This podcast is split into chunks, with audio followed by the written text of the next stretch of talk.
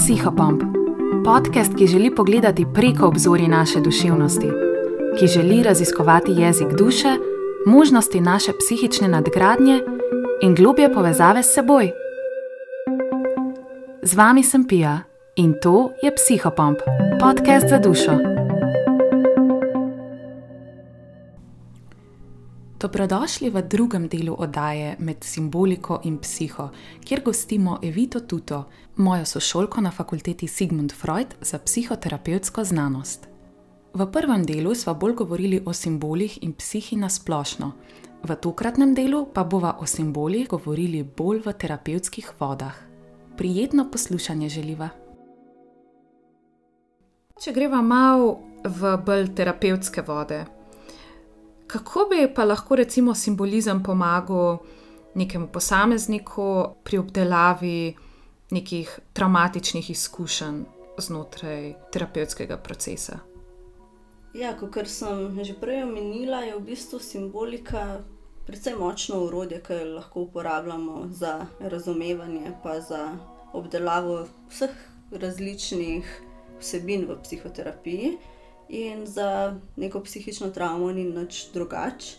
Traumatične izkušnje v bistvu v nas sprožijo nek odziv, neko preobremenjenost, neke težave pri izražanju. Zdaj sicer govorim zelo nasplošno, ker se nočem spuščati preveč v simptome, ker ni zares to point.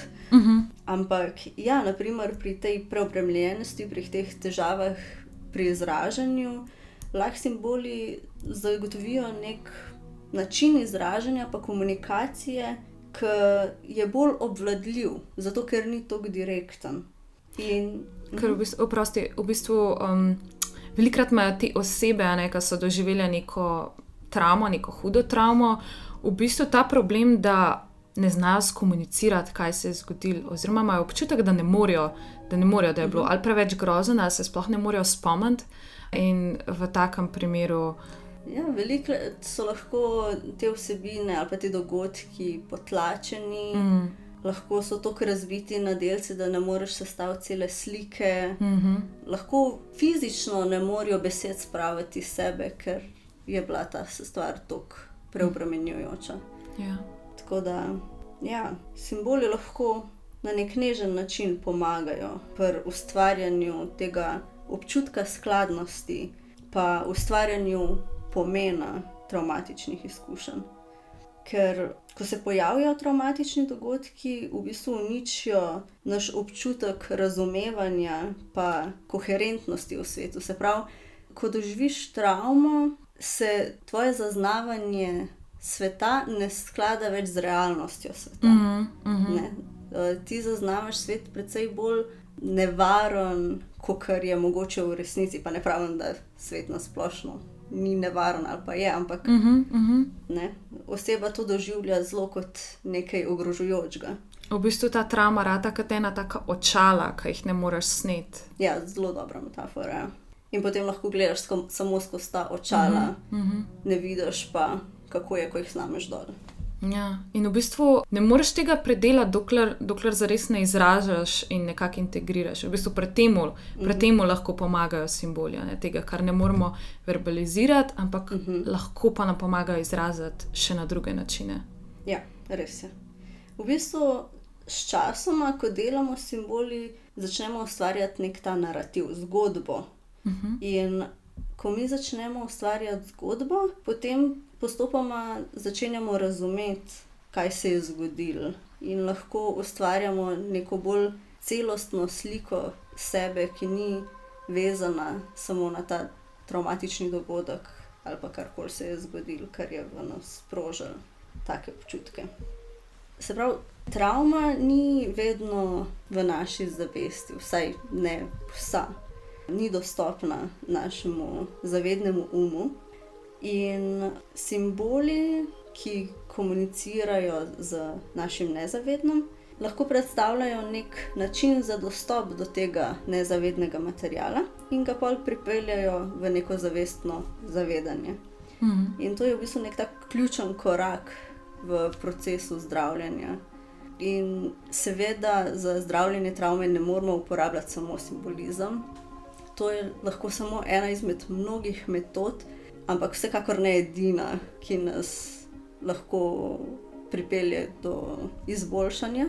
Ker travma je zelo kompleksna in res zahteva nek večstranski pristop, mora vključevati različne intervencije, različne prakse, da lahko celostno razumemo in pozdravimo mhm. našo psiho.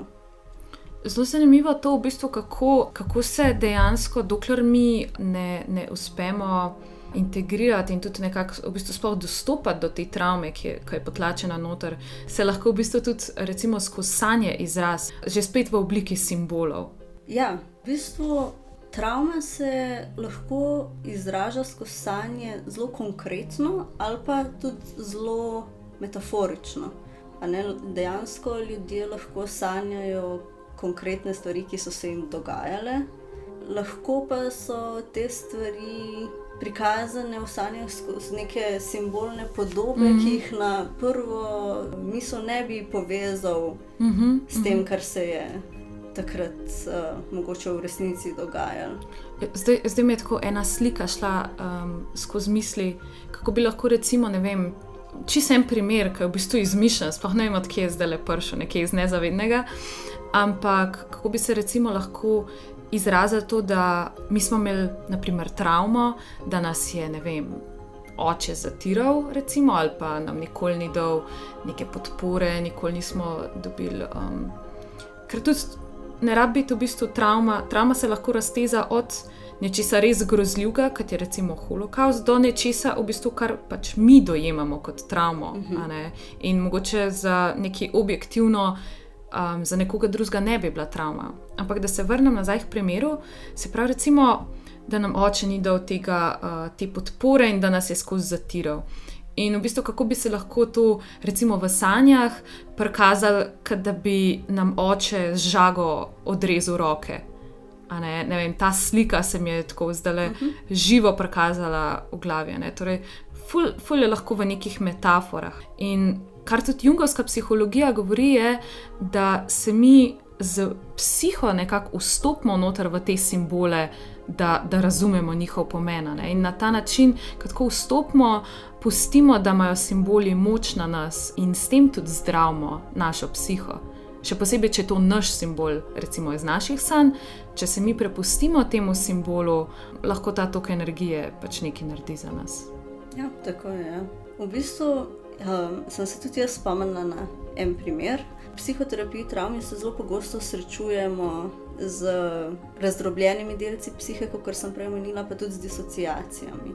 Ne? Zdaj, disociacije kažejo na to, da je nek del naše izkušnje od nas odrezan, se pravi, nimamo dostopa do tega, je potlačen. Bi lahko je videti um, še malo z enim stavkom, kaj, kaj točno misliš z disociacijo? V bistvu sem jih hotela dati en praktičen primer. Prosti, pa. ja, ja. Uh, ne, hotela sem dati en praktičen primer, s katerim bi razložila to disociacijo. Uh -huh. Ko govorimo o disociaciji, mi rečemo, da do enega dela izkušnje nimamo dostopa, oziroma je odrezan, oziroma je potlačen v nezavednem. In nekaj časa nazaj sem brala Kalšitovo knjigo Notranji svet travme, kjer je dal en zelo dober primer glede tega. In sicer je opisal uh, primer ženske, ki je sanjala, da je prišla neka oseba v njen prostor in je sekiro odrezala vrat od telesa. Ne, mm. Se pravi. Kar zmrazil me je. ja, zelo taka nazorna slika. Ja. Ampak, če tako pogledamo, če odrežemo glavo od telesa, mm. mi v bistvu mhm. odrežemo mm -hmm. svoj um, svoje razmišljanja, svoje občutke mm. od nekega tega konkretnega sveta telesa, ja. v katerem ja. smo. Ne? In to je v bistvu disociacija, nista več povezani, ni več dostopa mm. do drugega. Ful dobr primer. Jo, ja. krčil se dobivam. Ja, meni je tudi ostal, moram reči. Se mi zdi tak eden najbolj jasnih, mm -hmm. najbolj nazornih tudi. Mm -hmm. no, ampak mogoče, če tukaj nadaljujem, Da bi mi lahko te razdrobljene drobce, te fragmente povezali v neko celoto, je v bistvu uporaba simbolov, metafor, pa tudi različnih sanskih podob lahko zelo koristna. In simboli, kot so te podobe v sanjah, risbe, različni kolaži, fotografije, lahko so figurice in marsikaj druga, lahko pomagajo pri izražanju tam, kjer besede odpovejo. In ko s časoma to nežno raziskujemo, potem postopoma lahko to vodi v nek začetek verbalizacije. Zakaj pa je to koristno? Zaradi tega, ker mi moramo izraziti te vsebine, ki nas težijo, ker od znotraj nas samo morijo, nas uh, razjedajo. razjedajo tako je. Zdaj se spomnim, ko nam je en profesor dal primer enega našega slovenskega avtorja, ki je bil v koncentracijskem taborišču. In je v bistvu dal kot primer, kako je on potem napisal knjigo o tem, in da se je v bistvu s tem, ko je napisal knjigo o tem, rešil, v narekovaj, uh -huh. ker je lahko zverbaliziral to zgodbo, lahko jo postavil v kontekst.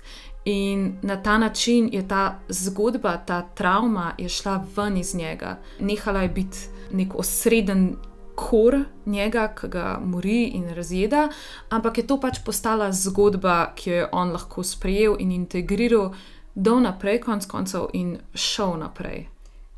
Ja, v bistvu, ko mi izrazimo svoje stvari, ki nas morijo, v bistvu postanejo precej bolj obvladujoče. Uh mhm. -huh. Ker dokler niso izražene, nas nekako prevzemajo. In imamo občutek, velikrat, kar, da gre dejansko za dosti večje stvari, kot potem, ko jih dejansko povemo na glas. Mm -hmm. Tako da to je mhm. zelo dober primer. Ja, v bistvu tega. zaradi tega tudi terapija dejansko deluje, ker ti imaš nek uh, varen prostor, v katerem naj bi ti lahko vse povedal temu terapeutu, tej drugi osebi. Se pravi, terapija dejansko tudi spodbuja, je cel proces, ki spodbuja to verbalizacijo, ki poskuša umiliti te notranje moreče zadeve. In to v bistvu lahko počnemo skozi različne načine, skozi sanjanje, skozi igralno terapijo, skozi likovno terapijo, kot so danes že malo menile. En primer iz terapije je tudi igralna terapija. Naprimer. Ta je primerna sicer predvsem za otroke, ampak se jih zadnje čase uporablja tudi za odrasle. In v igralni terapiji gre tudi za neko simbolično zdravljenje v bistvu otroci svojih traumatičnih izkušenj ne podživljajo samo v svojih mislih, ampak tudi skozi svoje dejanja, ker velikrat v bistvu ne znajo ubesedati, ker nimajo besednjaka za to, da bi lahko izrazili, kaj se v njih dogaja. In večina otrok intuitivno uporablja igro, zato da odigrajo tisto, kar podoživljajo, pa kar je za njih neizrekljivo. Tako da igra deluje kot neke vrste povezava med zunanjim svetom, pa tudi med njihovim notranjim doživljanjem. Tako da z, izbi, z izbiro teh različnih igrač, ki so jim na voljo v igralni terapiji, v bistvu mi lahko iz zunanje realnosti opazujemo neko njihovo intrapsihično, neko notranje dogajanje, ki se dogaja v njih. Ja. In ne sploh v primerih neke predverbalne travme, se pravi, da se je zgodila še preden otrok zna govoriti in razume, kaj mu želimo povedati. Je igralna terapija lahko ena izmed teh modalitet, ki otroku omogoča, da se travmi približa skozi te neverbalne, čutne uh mhm, -huh, načine. Uh mhm. -huh. Mogoče še ena vrsta take terapije, tudi likovna, ki je pa že nasplošno značilna za zdravljenje travme, ker je zelo izkustvena, neverbalna. Skozi likovno terapijo v bistvu mi poskušamo ustvariti osebne pripovedi, pa neke družinske zgodbe o traumatični preteklosti. Ustvarjanje je pa nasplošno zelo prijeten proces. In ta proces predstavlja izkušnjo, ki je zelo v nasprotju s tisto, ki je povezano s travmo. Uh mhm. -huh. In zaradi tega potem olajša naše notranje afekte, ki so povezani s to traumatično izkušnjo ali pa naš, eh, našim traumatičnim materialom. Tako pa potem lahko postopoma predelujemo različne traumatične spomine.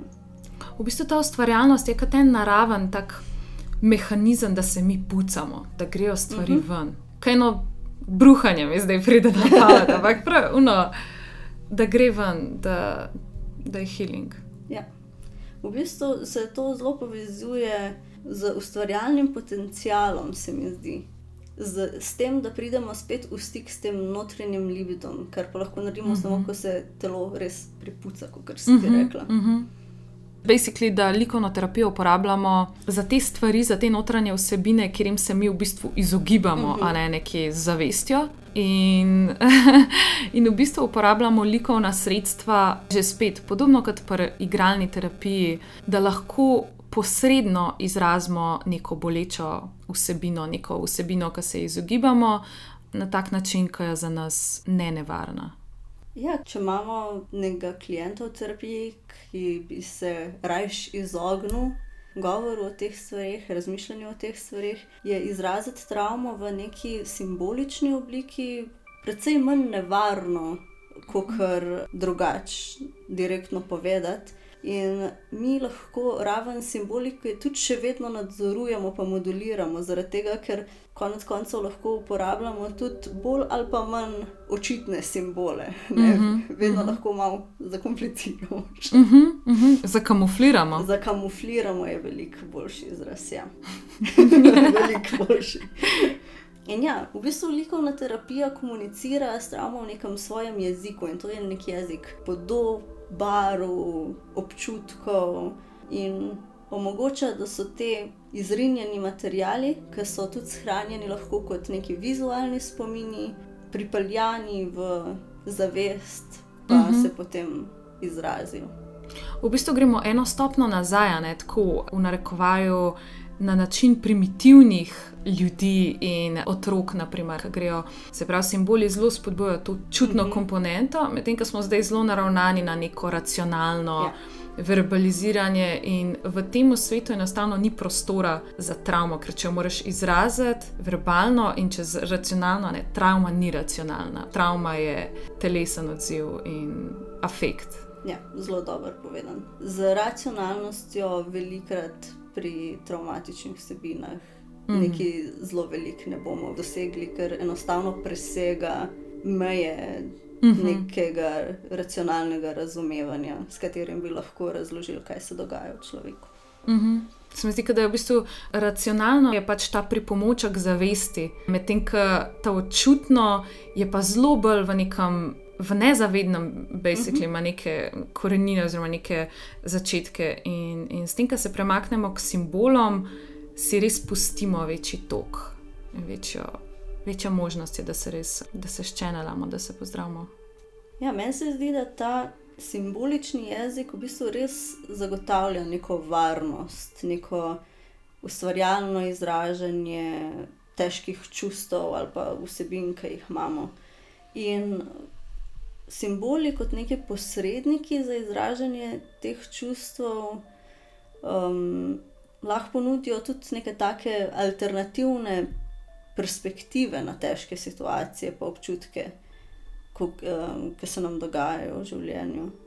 Um, kot nek most med nezavednim in zavednim svetom, lahko zelo dobro pomagajo pri prepoznavanju in razumevanju nekih globih vidikov psihe, pri odkrivanju nekih vzorcev, prepričanj, mm -hmm. ki se jih ne zavedamo, ali pa težav, ki jih ima vsak posameznik na neki zavedni ravni.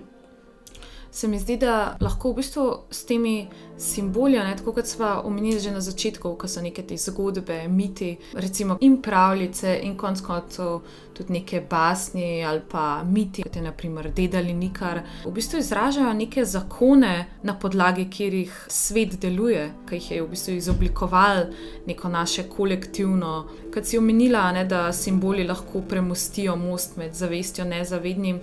Se mi zdi, da na ta način, recimo, ena izmed teh oblik je, da pač sledimo zgodbam teh mitov in se lahko veliko tudi posredno dejansko iz tega naučimo, ne, ne rabimo jih vsega sami doživeti. Uh mhm. -huh. Ja, vsekakor, naprimer, miti, tako kot si ti zdaj omenila, so nek izraz kolektivnega, ampak tudi nekih naših potencialnih notranjih izkušenj, uh -huh. pa tudi mhm. zunanjih izkušenj, ki bi se lahko nam zgodile. Uh -huh. Se mhm. pravi, v mitih so te junaki ali pa te podobe, ki se pojavljajo, nek delček naš samih in zato so uh -huh. se tudi ohranili. Ne? Če ne bi bili relevantni še danes na nek način za našo psiho, potem ne bi več obstajali, ne bi se, uh -huh. ne bi se um, obdržali uh -huh. toliko uh -huh. časa.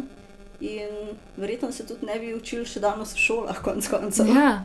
Čeprav se verjetno ne zavedamo, zakaj se tega učimo v šolah, mm. ker vse jemljemo zelo konkretno. Ampak. Ja, v bistvu je tako, da bi, oprosti, da bi čez to pripoved vstopili v stik s temi energijami, okay, kaj se je zdaj zgodilo temu. Da mi čutimo skupaj z dedalom, da je ikar padel v morje in se utopil. Naprimer. Kar je meni še zanimivo, je to, da čeprav se neki enaki ali pa zelo podobni simboli pojavljajo nekako skozi celotno zgodovino, skozi vse mogoče različne kulture, imajo skozi različne kulture vse lahko drugačne pomene. Konec koncev imajo lahko tudi za ljudi, za posameznike znotraj teh kultur spet drugačne osebne pomene, kot smo prej govorili.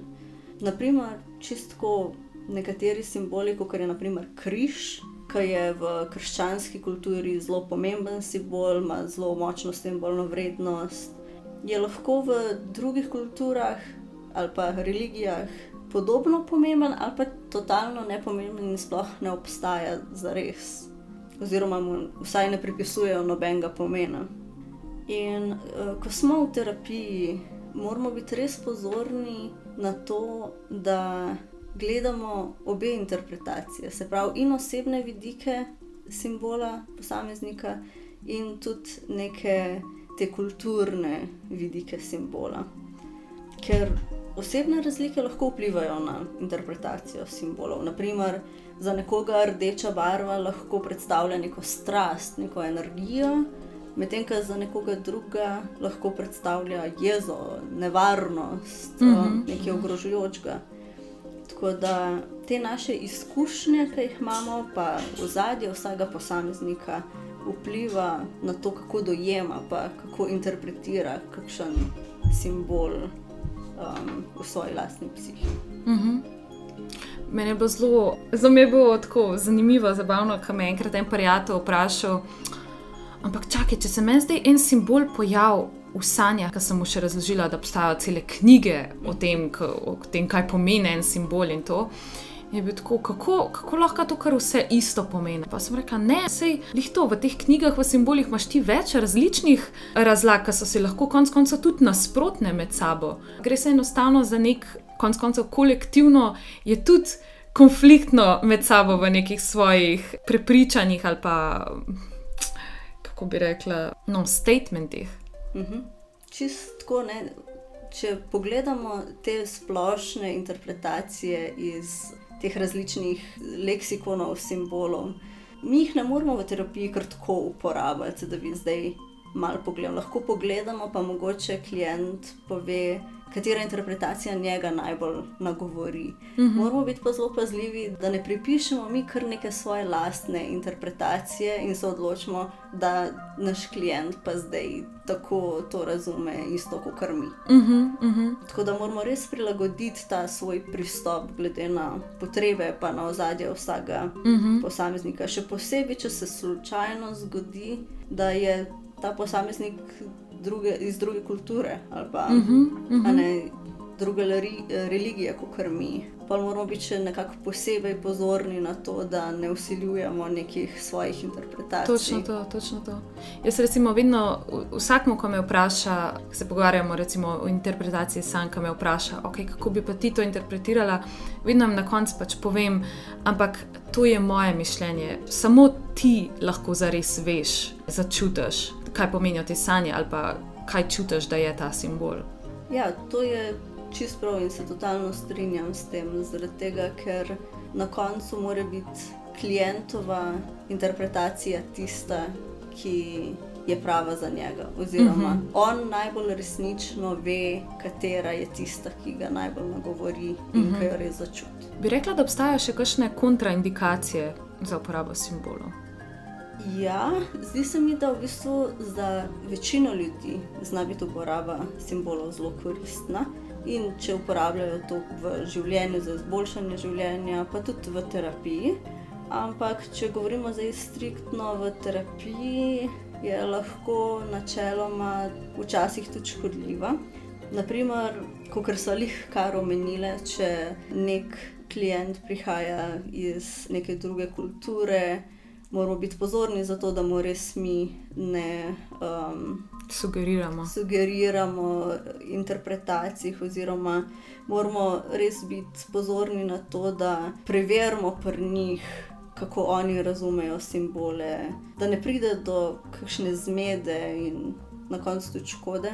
Mislim, ko govorimo o tem, če ne poznamo, pa seveda ne moramo poznati čisto vseh simbolov in vseh možnih interpretacij skozi vso človeško zgodovino. Ampak mogoče že s tem, da vprašamo človeka ali pa se prej pozanimamo, če vemo, da je mogoče drugačne veroizpovedi ali karkoli takega se lahko na ta način izognemo neki morebitni žalitvi ali pa napačni interpretaciji. -hmm. Ampak si v bistvu tudi odpremo polje tako ful, ful novih, zanimivih možnih opcij, ki nam jih lahko ta človek prenese s svojim razumevanjem simbola ali pa čutenjem tega simbola. Ja, v bistvu nam lahko on pokaže čist neko drugo razumevanje, na katerega mi sami nikoli mm -hmm. ne bi pomislili. Ne. Ko pride mi na pamet zdaj ta uh, japonska, se pravi, bela je žalovanje v mhm. kontrastu z našim, kaj je črna žalovanje. Ne. Zelo bi bilo zanimivo, recimo, nekaj japonca imeti uh, v terapiji in potem sanje, in kako bi recimo bela se in to, to, to bi bilo zelo zanimivo. Ja, sploh, ker ne, zahodni del ima v bistvu čisto drugačno filozofijo mm -hmm. življenja, kot nas, se pravi, bi mogla še vse to vzeti mm -hmm. v zakup ja. zraven. In po mojem bi bila zelo zanimiva mhm. terapija. Mm -hmm. no, če govorimo prav o kakšnih psihiatričnih motnjah, delo simboli velikrat tudi ni lih najbolj primerno za osebe, ki so v različnih akutnih psihotičnih stanjih. Mm -hmm. Ker če imamo mi pred sabo neko osebo, ki že težko loči neko realnost od nekih notranjih predstav, potem ga lahko v bistvu še bolj pahnemo v neke mm, te mm. Njegove vsebine. Tako, ker ima preveč podivjata, domišljija in vse to. Ja. V bistvu lahko pri njih nezavedno nekako. Jih začne preplavljati, v ja, bistvu. Ja, nezavedno jih začne preplavljati, in ne znajo več nekako izplavati iz, te, mm -hmm. iz tega morja, iz te vode, iz teh globin. Mm -hmm. da, ja. Lahko v bistvu v takih primerih. Um, Nezavidno, ne, če smo zdaj že pri tej metafori morja, ki je en tak tsunami, ki nas stalno utaplja in ven meče. In uh mhm. -huh. mogoče, ljudje v taki situaciji enostavno pa več ne morejo, tako kot si rekla, ne morejo več ločiti med realnostjo in notranjim svetom in je to vse samo še ena poplava. Mogoče še en zanimiv, precej jungovski način ali vzrok uh, inflacije. Uh -huh. uh, v jungovski psihologiji imamo še en pojem inflacije znotraj posameznika oziroma posameznikove psihe, do katere velikrat pride na podlagi nekih arhetipskih simbolov. Uh -huh. In ko govorimo o tem, mi v bistvu govorimo o tem, da se nekdo tako poveže z nekim določenim simbolom, z neko idejo, z nekim arhetipom, da spet ne zna več ločiti neke realnosti od tega prepričanja, v katerem mm, je. Mm. Zdaj se spomnim enega primera. Mm -hmm. Povej, povej. Nekaj let nazaj, true story. Nekaj, ne, nekaj let nazaj je bil en par, uh. -huh. ki sta živela v Ameriki v enem izmed teh njihovih naravnih rezervatov, ali Yellowstone, nekaj podobnega. Uh mhm. -huh. Zdaj ne vem, če je bil lihta, niti ni važno za ta primer. Ampak v bistvu v tem naravnem rezervatu so te uradni rangerji ali lovci uh -huh. ali kdorkoli so bili, skrbeli nekako za populacijo živali, predvsem v tem primeru medvedov. In ta moški je v bistvu to doživljal kot skrajno ne, nepravično. Ne, nepravično se mu je zdelo to, da med, medvedi nekako nimajo lastne volje, sploh če nobenega ne napadajo, zakaj se jim mi usiljujemo v uh -huh, to njihovo uh -huh. področje. In zato, da bi to dokazal, se je on odločil, da bo dejansko šel za tri tedne ali nekaj takega uh, živeti tja v ta rezervat, zato da bo on dokazal, da v bistvu njega te medvedi ne bojo napadali. In kaj se je zgodilo? Medvedi njega so napadli, so ga dejansko ubili. In to je v bistvu zgodba, kako je to osebo prevzel arhetipnega rešitelja. Mm, mm -hmm. On se je postavljal v vlogo nekoga, ki je edini, ki lahko dokaže oziroma reši te medvede, da drugi ne bojo na njih tako gledali. Mm, mm. Kot enega šepetalca medvedom. Ne? Ja, neke, neke vrste. In na koncu se je izkazalo, da ni lih tako, kot je on mislil. Mm -hmm. Koncu je bila to njegova poguba, točno to, mm -hmm. za kar se je on um, nekako zauzemal.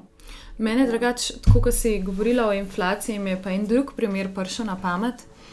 In sicer, recimo, v jungovski psihologiji velikokrat govorimo o tem, kako se znotraj inflacije nekdo začne prav identificirati z nekimi tudi mitskimi podobami, konc koncev. In v bistvu, ko si govorila, mi je zelo prša na pamet ta inflacijska podoba, ki se mi zdi, da je tudi nekako zelo popularna in je in je bila.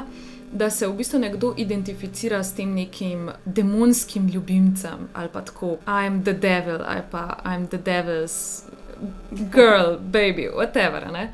In je tako zelo, mogoče nimam klele back primera, kaj potem poguba te osebe, kot je bilo v tem prvem primeru dobro razložen, ampak se mi zdi tako zelo ena taka reprezentativna. Gre se v bistvu za to, ne vem, pa tudi zdaj v tem valu New Age je zelo ta identifikacija z nekimi čarovnicami in nekimi šamani in ne vem kaj. Ne. Kar mislim, ne pomeni, da ta oseba mogoče nima ene dovzetnosti za neke take stvari, kot so naprimer, ne vem, za zelišča in uh -huh. podobne zadeve. Ampak gre se v bistvu za to, da se v primeru inflacije mi začnemo res identificirati s tem, mi, mi postanemo ta šaman. Mi nismo več, recimo, pija ali pa evita, ampak je naša glavna identiteta ta šaman, slash čarovnica. In to vedno vodi do neke pogube, ker naša psiha oziroma naše notranje nezavedno nas vodi do tega, da se to enostavno zruši, ker to ni naš resničen jaz, to ni cilj individuacije, kot smo rekli na začetku, to ni cilj našega razvoja. Cilj našega razvoja je v bistvu res postati tisto, kar, kar smo v svoji notranjosti in v celoti. Ja, zdaj mislim, da si v bistvu prav nekako zaobjela in zaokrožila cel današnji pogovor. Z eno samo mislijo. Potem pa na tej točki, Evita, najlepša hvala, da si prišla na psihopomp, da si podelila svoje znanje, svoje izkušnje. Res hvala. Ja, hvala za povabilo. Meni je bilo zelo prijetno, zelo sem uživala ob teh temah in najnem klepetanju. Hvala ti.